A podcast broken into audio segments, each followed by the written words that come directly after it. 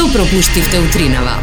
А, Вчера ме шокира една вест. Наеднаш сите телевизии, сите медиуми, бам, пуштаат информација дека премиерот овдека си дава оставка. Е, Замисли. А знаеш зошто? Ќе паднеш Зошто? на у несвесно ќе ти кажам зошто си дал оставка. зошто? Што, што направил? Било сомничен у некој скандал за местење тендери со ископување на литиум и водород. Чекай, стоп, стоп, стоп. Бил осомничен. Да, А нели е невин додека не се докаже дека е виновен? апсолутно да. Меѓутоа, он Значи, вика он е невин, осомничен, да речеме дека е невин, нели? Осомничен Да, да, и да, си речеме. дава оставка. Да. Ама друга За- ти во погрешна држава си премиер. ја тоа викам, е, Коста, викам, да беше ти у Македонија кај нас. Мува немаше да те лази до сега. Излезеше на прес, мислам дека се тоа е против мене заговор. На толку, опозицијата, два- на три опозицијата, дена, да. Три дена, готово. Ке заборај народ. Ама еве го, се вика, а вика, Што, та- така се потресол си дал отстав, оставка. Оставка, да. Вика, е, ти- тие вика, тие тие набедувања, тие кривици кои што ми ги калемат ме потресоа, вика и е, не се не сум во состојба да извршувам премиерската функција повеќе, Многу е вика. нежен, многу е нежен и грешно му е школото. Треба малце да пушти овде од кај нас некоја локална програма да види. Е, мислам дека може би гледам сега потенцијален бизнис модел да ги земеме овие европските политичари кои што се мекуши на превоспитување. Аха, школа Да, за орган- политичари. Па не школо. Школо не ти е добар адвертайзинг Добро, момент. извини, Академија да биде. Не, не, не. Академија, курс. Академија, курс. Аха, Да. добро. За е, политичари за справување со кризни ситуации, да кажеме. тоа се ме интересира. Програмата, каква програма ќе имаме, што предмети ќе имаат за да полагаат? Значи, предмети ќе имаме негирање на обвиненија. А тоа треба прво да биде. Да. Тоа ќе биде прв предмет. Потоа следен предмет ќе биде бегање од обвиненија. Тука може Груевски да го викнеме како гостин предавач да не биде, на пример. Добро, а кажи ми дали ќе имаме предмет во кој што едноставно другите странки ќе ги навредуваат, а овие нема да реагираат. А, може, Или, да, или да, да. предмет на двикување Може. на дебата. Тука ќе земеме еден од позиција, еден од опозиција да бидат ментори, гости, Да, и учители. на дебатна емисија. Да. Едниот зборува, другиот зборува. Како да не те вознемири и да не те прекине тоа што другиот го зборува. Значи ти над него да зборуваш. Да. Аха, добро, тоа е трет предмет. Четврт предмет што може да биде? М- Може многу тамо е Препишување на имот на други лица. менаџирање со ЕУ фондови да кажеме може да биде. Иако мислам дека тука реално се далеку поголеми експерти од ние што сме на тема ЕУ фондови, затоа што сигурен сум дека ова со литиумот ќе излезе дека е поврзано со некој ЕУ фонд, Добро, ама добро. може и од таму да ги земеме од регионални и светски примери, не мора да се сите од содржина од тука, иако ние имаме доста плодно, да речам, поднебие за за сите овие предмети. Добро, друг предмет што би бил? Па не знам, Ам, експерт за развивање на Префрлање на кривица соодветно како би се заобиколило целото твое, да кажам, целата твоја кривица или или твоето учество во тоа. Друг предмет што може да да земеме? Друг предмет. Јавно говорење пред поширока маса. Тоа е многу важно ако не знаеш да се изразиш пред поширока маса, додека ти свирка еден од едната страна, другиот ти вика браво. Ништо не правиме. Фокус. Ух, ја размислувам, Има- па едно десетина предмети може да воведеме, да ти кажам. Може, а инаку експерти, кадри кои што ќе ги предаваат овие предмети, ги имаме е, на претек. Дури ми се чини дека ќе треба и да седнеме еден на еден интервју, да провериме кој какво искуство има во дадената област е, и да ги назначиме професорите, односно предавачите за Пази, овие тука курсови. не можеш да земеш некој кој што е чист како солза, затоа што не ти врши работа, не може да го научи ако е чист како солза и нема, може би има, ама еве да речеме ако е чист како солза, не, го нема искуството потребно за да предава на оваа академија. Апсолутно, апсолутно. И цената ќе биде пристапна за овие Е, врски сега друга работа ме интересира. Е, Системот на полагање како ќе го направиме? Системот на полагање практично, значи освен на основна цена која што ќе се плаќа за посета на курсот, потоа значи ќе треба она наученото да се примени во пракса, зашто нашите Ако пушташ директ, Да, зашто нашите предавачи, доколку успешно се положи испитот, ќе добијат 20%, што е стандардна тендерска цена од сумата која што следачот на курсот успеал да ја кешира во својата родна земја на својата функција. И волкот сите и овците на број, значи ние ќе им Да. кажеме вака на предавачите. Слушај, еве сега Груевски кој ќе го барам да го регрутирам, ќе му кажам, слушај браче, ја имам една група да држиш курс, ама ја немам многу пари да ти платам. 500 евра, илјадарка преку сила. Добро. Ама затоа викам ќе ти ги донесам португалски политичари, испански политичари, веше паѓаат ко ко гулаби после дошт за местење тендери, да ги поднаучите малку. И после тоа викам од секој ваш ученик, од првата проектна задача што ќе ја сработите имате по 20%. Па сега да кажеме 20% од тендер за копање литиум у Португалија не е баш мала сума да се да се лапне. Ова може да биде многу интересно. Искрено вака ако го размислиш, го собереш, го направиш, може да биде многу интересно. Да. Морам да ти кажам неколку арапски мудрости кои што ја опишуваат филозофската мисла, односно светогледот и моралот. Светогледот ми правата- се допаѓа тој збор. Светогледот, да. Добра. А, кои што мене искрено ми ми дојда многу фасцинантни и вистините за разлика од се она семе си напова кое што имам можност во текот на денот да го прочитам и се многу поразлични, а така доста вистините ми делуваат. Добра. Сакаш неколку од нив? Апсолутно. Е, првата вели, умниот намигнува, будалата удира. Ете ти. Зборувајте само ако тоа што ќе го кажете е многу побаво од тишината. Е, ова Зорке, Многу луѓе би требало да кјутат во текот на целиот ден. апсолутно. и би било многу поубаво место за живење. Добра. А, останете настрана од злото, само седете и гледате го од страна. Како? Ја тоа викам, земи си пуканки и гледај кога двајца се караат. Фати се игра. Ова многу ми се свија, слушај го добро. Армијата овци предводена од лавови ќе ја победи армијата на лавови предводена од овци. Ај уште еднаш? Армијата, Армијата? овци Добро. предводена од лав Добра. ќе ја победи армијата на лавови предводена од овца. Така е, се е до, до насоката и до менеджментот. Ова, ова од модерна гледна точка, mm -hmm. вели менеджментот е најбитната карика за се. Па да, па да, ако ти е лош менеджментот, ништо, мафти е работа. Значи, ако си ти волка, позади себе имаш овци, ќе направиш волци од нив. Ама ако си овца, да позади се себе имаш, да. позади себе имаш волци од нив, ќе направиш овци. Така си е, така си. Какви овци?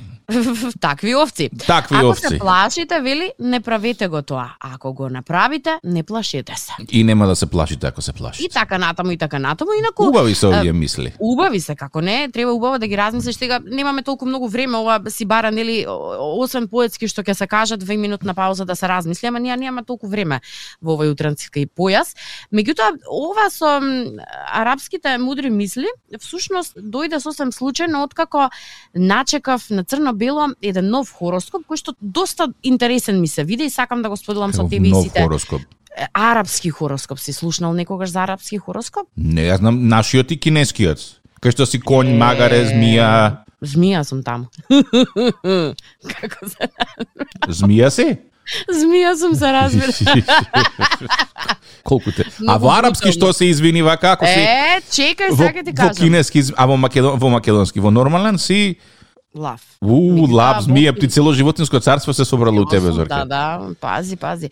Е, сакам да ти кажам дека на пример кинескиот е на врз база на годината во која што си роден. Да. Овој другиот нормалниот, да речеме, регулар хороскоп кој што сите го знаете, врз база на датумот на кој што си роден, независно која година си, нели? А арапскиот е многу интересен. Правиш математика во твојата дата на раѓање, која што ти носи одредени поени, времето на твоето раѓање, односно родното место, колку жители имало во моментот кога си се родил. Како, како, како, ај уште еднаш? Значи добиваш поени. Добро. А, први поени кои што ги добиваш е од датумот на твоето раѓање. Добро. Речеме од еден до друг месец. Добиваш Добро. одреден одредена низа на поени. Потоа времето на твоето раѓање, односно Саатот. родното место колку Не, не, не, не, не. Родното место колку жители имало во времето кога си се родил ти. Добро. Да. И третите поени ги добиваш од а, занимањето на твојот татко Вау. Ги, ги собираш овие броеви, ги делиш на три и во долната колона наоѓаш под кој број е твојот хороскопски знак. Ама она што е многу интересно е дека, и не го кажавме, е дека арапите веруваат дека секој човек има особини на некое оружје. Па така и хороскопските знаци се оружја. Добро, ај вака сега. Сега ме, ме заинтригира достоедно и назад. Е, Дај тие параметрите уште еднаш да пресметаме што сме ја и ти у хороскоп арапски. Ајде, може, две песни. Остани на Радио 2. Се отепавме со Зорка од математика и дојдовме до заклучок дека двајцата е, имаме изброј поени кои што го одредуваат нашиот арапски хороскопски знак.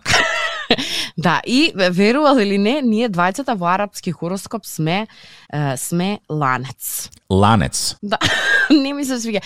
Лав, змија, ма ланец не сум била до сега. Значи јас сум А, јарец, е, конј и ланец.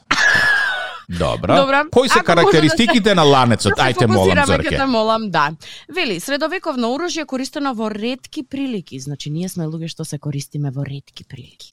Особата родена во овој знак е дипломат кој сака благосостојба, убави работи, познати личности и е талентиран љубовник. Кај се дадам тъс. Не, ме поддржуваш. Особата во овој знак знае да ги заведе луѓето и да ги наговори. Може да биде добар водич. Добро. М. Ако видите некој маж да прави 100 глупости за некоја жена, знајте дека жената е од овој знак. А. Се извинувам. Многу голем дипломат е и се сложува наизглед со сите, ама вешто прикрива со кого не се согласува. Видиш сега Значи- мала дигресија да направам тука. Е, Добро. Го гледам кинескиот хороскоп. Јас во кинескиот хороскоп не сум ти бил конј, овца сум ти бил. Значи јарец овца. Ајде, Добро. Е, Ти оди со живот Ми, домашни. од- да. значи вика елегантен, знае да шармира, интуитивен, сензитивен, смирен. Некако карактеристики не ми се поклапаат со Не, не, ама со, со ланец ти се поклапаат многу. Ама со Ја јарец не ми се И поклапаат. се знаеш што е многу интересно, вели на крајот, не се препорачува врска со топузина и буздоган. Боздоган? Што беше топузина? Тоа исто Појма некое средновековно оружје. забараме. Да, да. Крали Марко користел топузина. Чекај, сега ќе ти кажам, и не знам ова што е никад во животот. Топузина, да, едно, една топка со шилци. Нема. Има, има нема топка со шилци. Ама на Google не можам да најдам, На не Google, знам на е. Google ќе го најдеш. Топка со шилци е топузина. Не беше тоа буздоган? Па, Ај ќе ме молам едно стручно е, мислење ако има некој ако знаеш што е. Бу- Буздоган, топузина излегува на Google. Буздоган, а и буздоган е како топузина, па исто е. Ама Сигурно има нека техничка разлика. Ау, не, чекај малку. Буздоган, како што гледам според Google, значи да не ме фатите здраво за готово, пошто не знам што е, е како стапче и горе со топче. Е па и, и, и топузината е таква. А топузина нели треба да е со ланец па доле има топче. Слободен стил. Може да грешам, ве молам да ме поправите, ве молам вие што имате повеќе познавање од ова да не испадне дека тресеме глупости. Кој е експерт А- на Крали Марко да се јави веднаш да ни го објасни ова? На главна каса, да. Е сега, она што е многу интересно, пр прво една друга работа сега ти кажам. Замисли се заљубуваш во некоја личност. И нели на времето што сме правиле, чекај да видам што е во хороскоп да му прочитам што му се карактеристики. И ти ако земеш да читаш хороскоп обичен, хороскоп арапски, хороскоп Кинески. кинески, главата каша попара, ти не знаеш на што да се фокусираш. Да, ја прашаш, Многу за извини да те прашам што да си во... книги А, за да, да Кои други знаци се во оптек во арапскиот хороскоп? Е, така, за, значи на база на тоа каков резултат ќе ви излезе, оружјата се нож, кама, джебен нож, арапски меч. Стој, буздоган. дигресија. Правиш муабет и викаш, леле маче, ладна си ко нож. И она се врти и ти вика, да, тоа сум во арапски хороскоп. Арапски меч, буздоган, топус, секира. Леле, Ѓорги тврци ко секира. Сабија, Сабија. случај го следнава, копие, Копје, добро. прачка Суварка. И на крај стрела. Што си во хороскоп прачка, онакако. Пази, ама ја подценуваме силата на прачката. Некад со прачка... Ко- Кој не кркал прачка по нозе, не знае колку е моќна прачката. Ја Тоа сакав да ти кажам ја, зависи. Ја, ја подценуваме моќта на прачката, а прачката и како знае да се знаела на времето да се најде како оружје, така што тоа е тоа.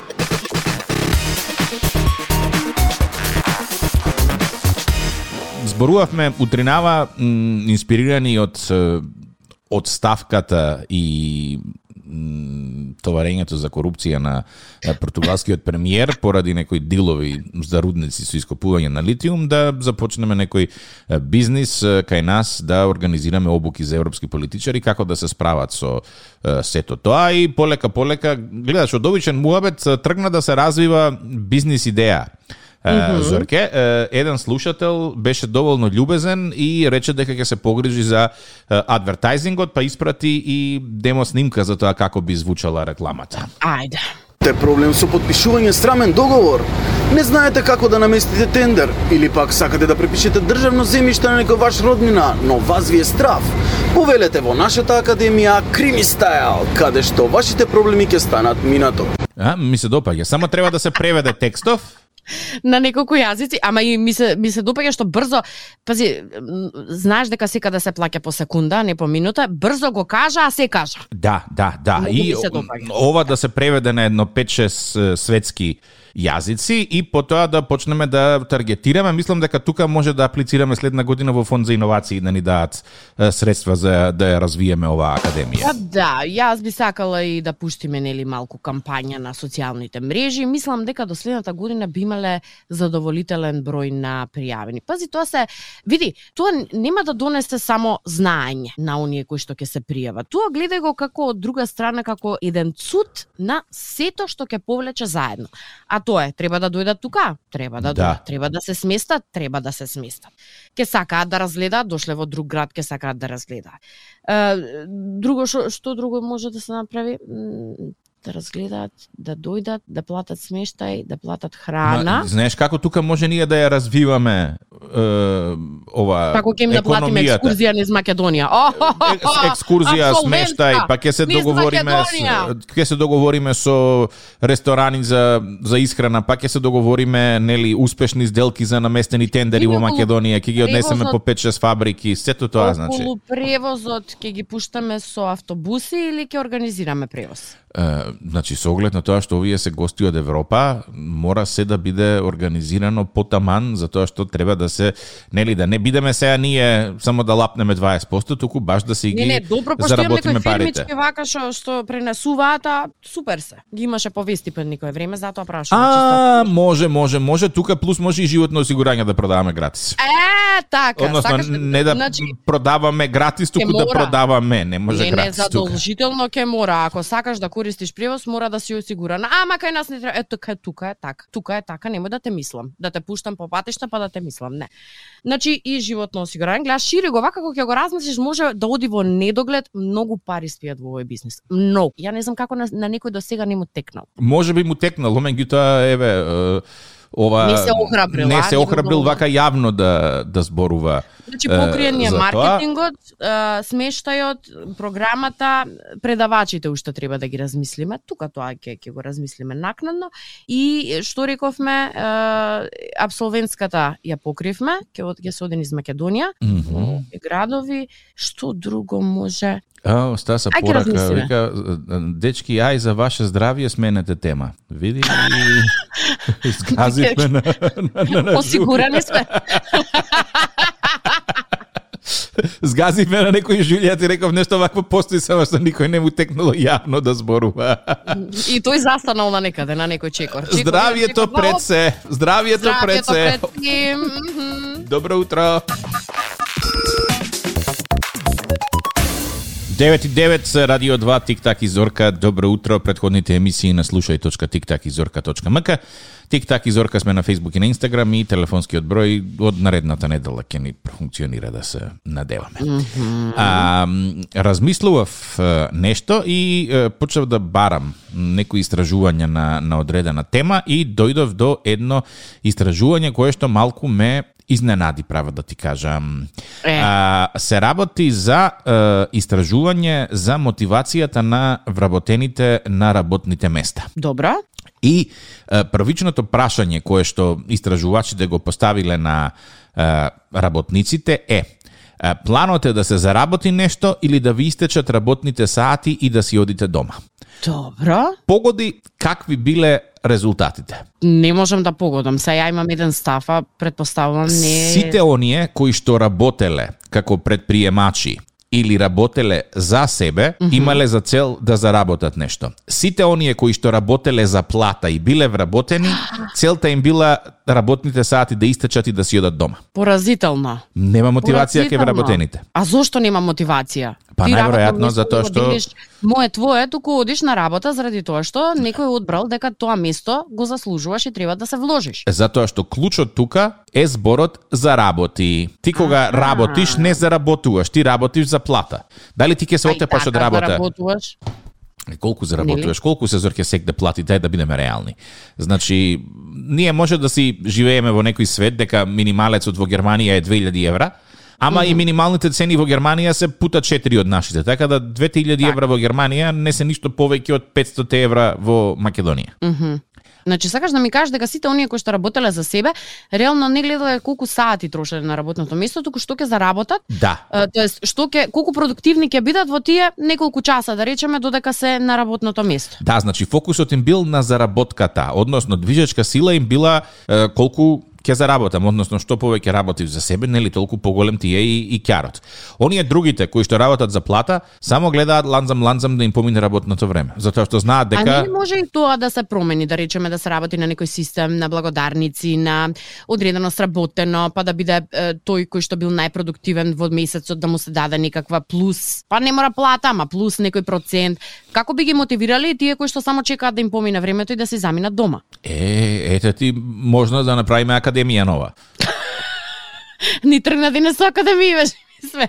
Не, чисто сакам да прашам, да, во средина каде што да речеме е, платата е еднаква, односно нема вариабила во платата, така таа е да, платата. да, да. Овие системи секогаш се покажувале како практични за да го мотивираш вработениот да не дреме, да речеме 8 до 5 и Да. во 5 да си ја шпринтне, туку стварно додека е на работното Абе, еве, место. еве типи- типичен пример да ти кажам е сега што е тоа што те мотивира тебе да, да, да правиш ваква емисија со мене, а не онака само да добро утро, добар ден, слушаме музика, се слушаме утре. Знаеш? Што ме мотивира? Да. Првенствено тоа што си ја сакам работата под број 1. Е, значи може би Затоа една една од работите треба да биде тоа што оние лица кои што работа треба да си ја сакаат работата која што ја работа. Значи ти не си само мотивирана од пари, ти си мотивирана од љубов кон кон работата. Втор. Е сега стај се у ситуација да треба да работиш у фабрика некоја. Па ќе си најдеш интересно и таму. Добро, значи може би зависи и од типот на личност. Па и таму ќе најдеш, ќе ќе опипаш каква е состојбата, дали може да се напредува, што е она што најмногу време ти троши непродуктивно во денот, што е она што најпродуктивно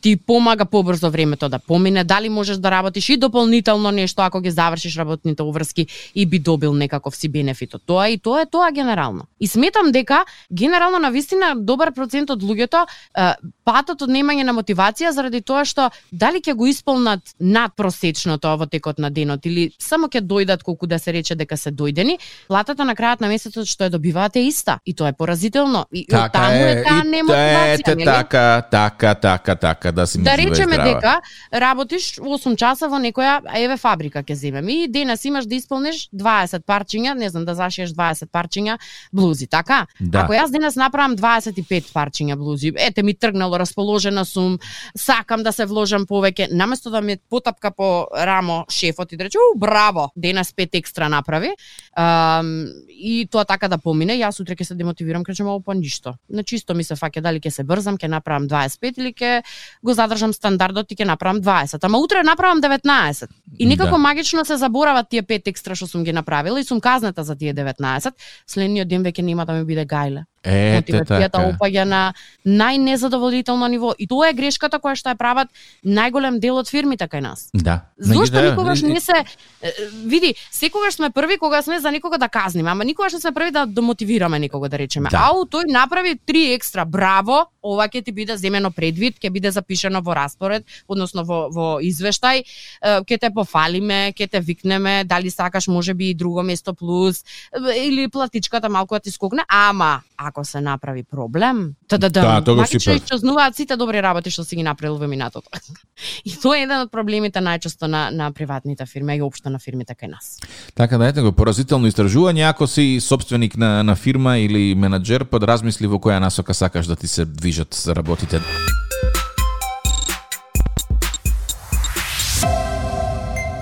Стаса една порака, нема да го кажам ниту името, ниту дополнителните информации кои што се пишани, чисто за да останеме нели анонимни. Меѓутоа и благодарам на слушателката, вели јас работам во една компанија каде што освен фиксна плата имаме и таргет сума која што треба да ја ствариме. Ако ја оствариш во дадениот месец, добиваш бонус од плюс една третина од платата. За 6 месеци е остварен таргет, добиваме половина од другото, а плюс имаме и работник на тромесечие и после состанокот секогаш одиме во кафана и така натаму. Како да не си мотивиран? Еве уште еден приказ лично и директно просто и да не ми се верува дека постојат вакви фирми кои што навистина ги негуваат своите вработени во смисла на тоа колку ги негуваш толку ќе растат, а заедно со нив ќе расти фирмата.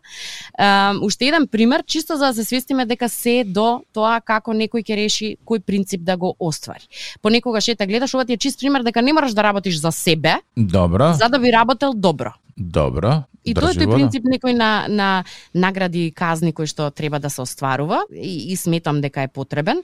Меѓутоа, ако цело време си само на принцип казна, се разбира дека мотивацијата кога тогаш ќе падне од истата, а ако нема награди во истото, тогаш е исто така непотребно, односно невозможно некој е, работник да се мотивира. Еве ви една убава лекција на тема лидерство и водство и менаџерство во една компанија, па се надавам дека оние кои што не слушаат ќе знаат како да имплементираат во својот систем и веќе утре, односно следниот месец да видат многу подобри резултати продажни или општо успешни резултати во таа компанија во која што менаџираат. Пази што се случило. Во 2006 година Да, е, работник од Кока-Кола се понудил да ја продаде тајната состојка на Кока-Кола на Пепсико, фирмата која што го произведува Пепси. Значи, ра- вработен во Кока-Кола, сака да ја продаде тајната на Кока-Кола на Пепси. Знаеш Аха. што се случило? Не? Ај погоди од три пати. Мислам дека не ја продал. Имам чувство дека не ја продал, туку дека му пропаднал планот. Не само што не ја продал, не само што му пропаднал планот, туку Пепси го цинкарело кај Кока-Кола. Браво, браво. Е, тоа ти е здрава конкуренција, само да ти кажам. Тоа ти е здрава конкуренција, ретко сте така да начекаш. Повеќето би изиграле на карта дај ми ја ваму. Да. е, Рецептата, така? Да. Ама една работа, ако ти го земеш тој вработен од таа компанија за да ти ги цинкари тајните нивни, верувај дека во моментот кога ќе стапне во твојата компанија веќе ќе цинкари на трето место. Дали ти треба таков вработен? не- Тоа е прашањето. Види сега, прашањето е исто така и друго. Е, Барал 1,5 милион евр, е, долари. Прашањето е дали ако барал помалку овие ќе се согласеле. Мислам дека не. Се работи за принципи. И таа е таа здрава конкуренција. Знаеш, сакам да сум конкурент затоа што ме мотивира да растам како фирма повеќе, ама не по цена да ја уништам другата. Ако ја нема другата, јас ќе бидам единствен на пазарот, ништо веќе нема да ме мотивира, знаеш? Да, ова е ова ме потсеќа на приказната, не знам сега дали беше BMW или Mercedes. меѓутоа еден е, од директорите на Mercedes оди во пензија, а BMW му му подарува кола и вика конечно можеш да возиш вистински автомобил. Сега не знам дали беше директорот на Мерцедес или на BMW, ама тие две фирми беа во во прашање. Мајко, мислам, како потек, многу интересен, ама онака, да, да, добро, браво. браво, не знам што да кажам друго. На Радио 2, секој работен ден од 7.30. Будење со Тик-так и Зорка. Во случај на неконтролирано смеење и симптоми на позитивно расположение, консултирайте се со вашиот лекар или фармацевт.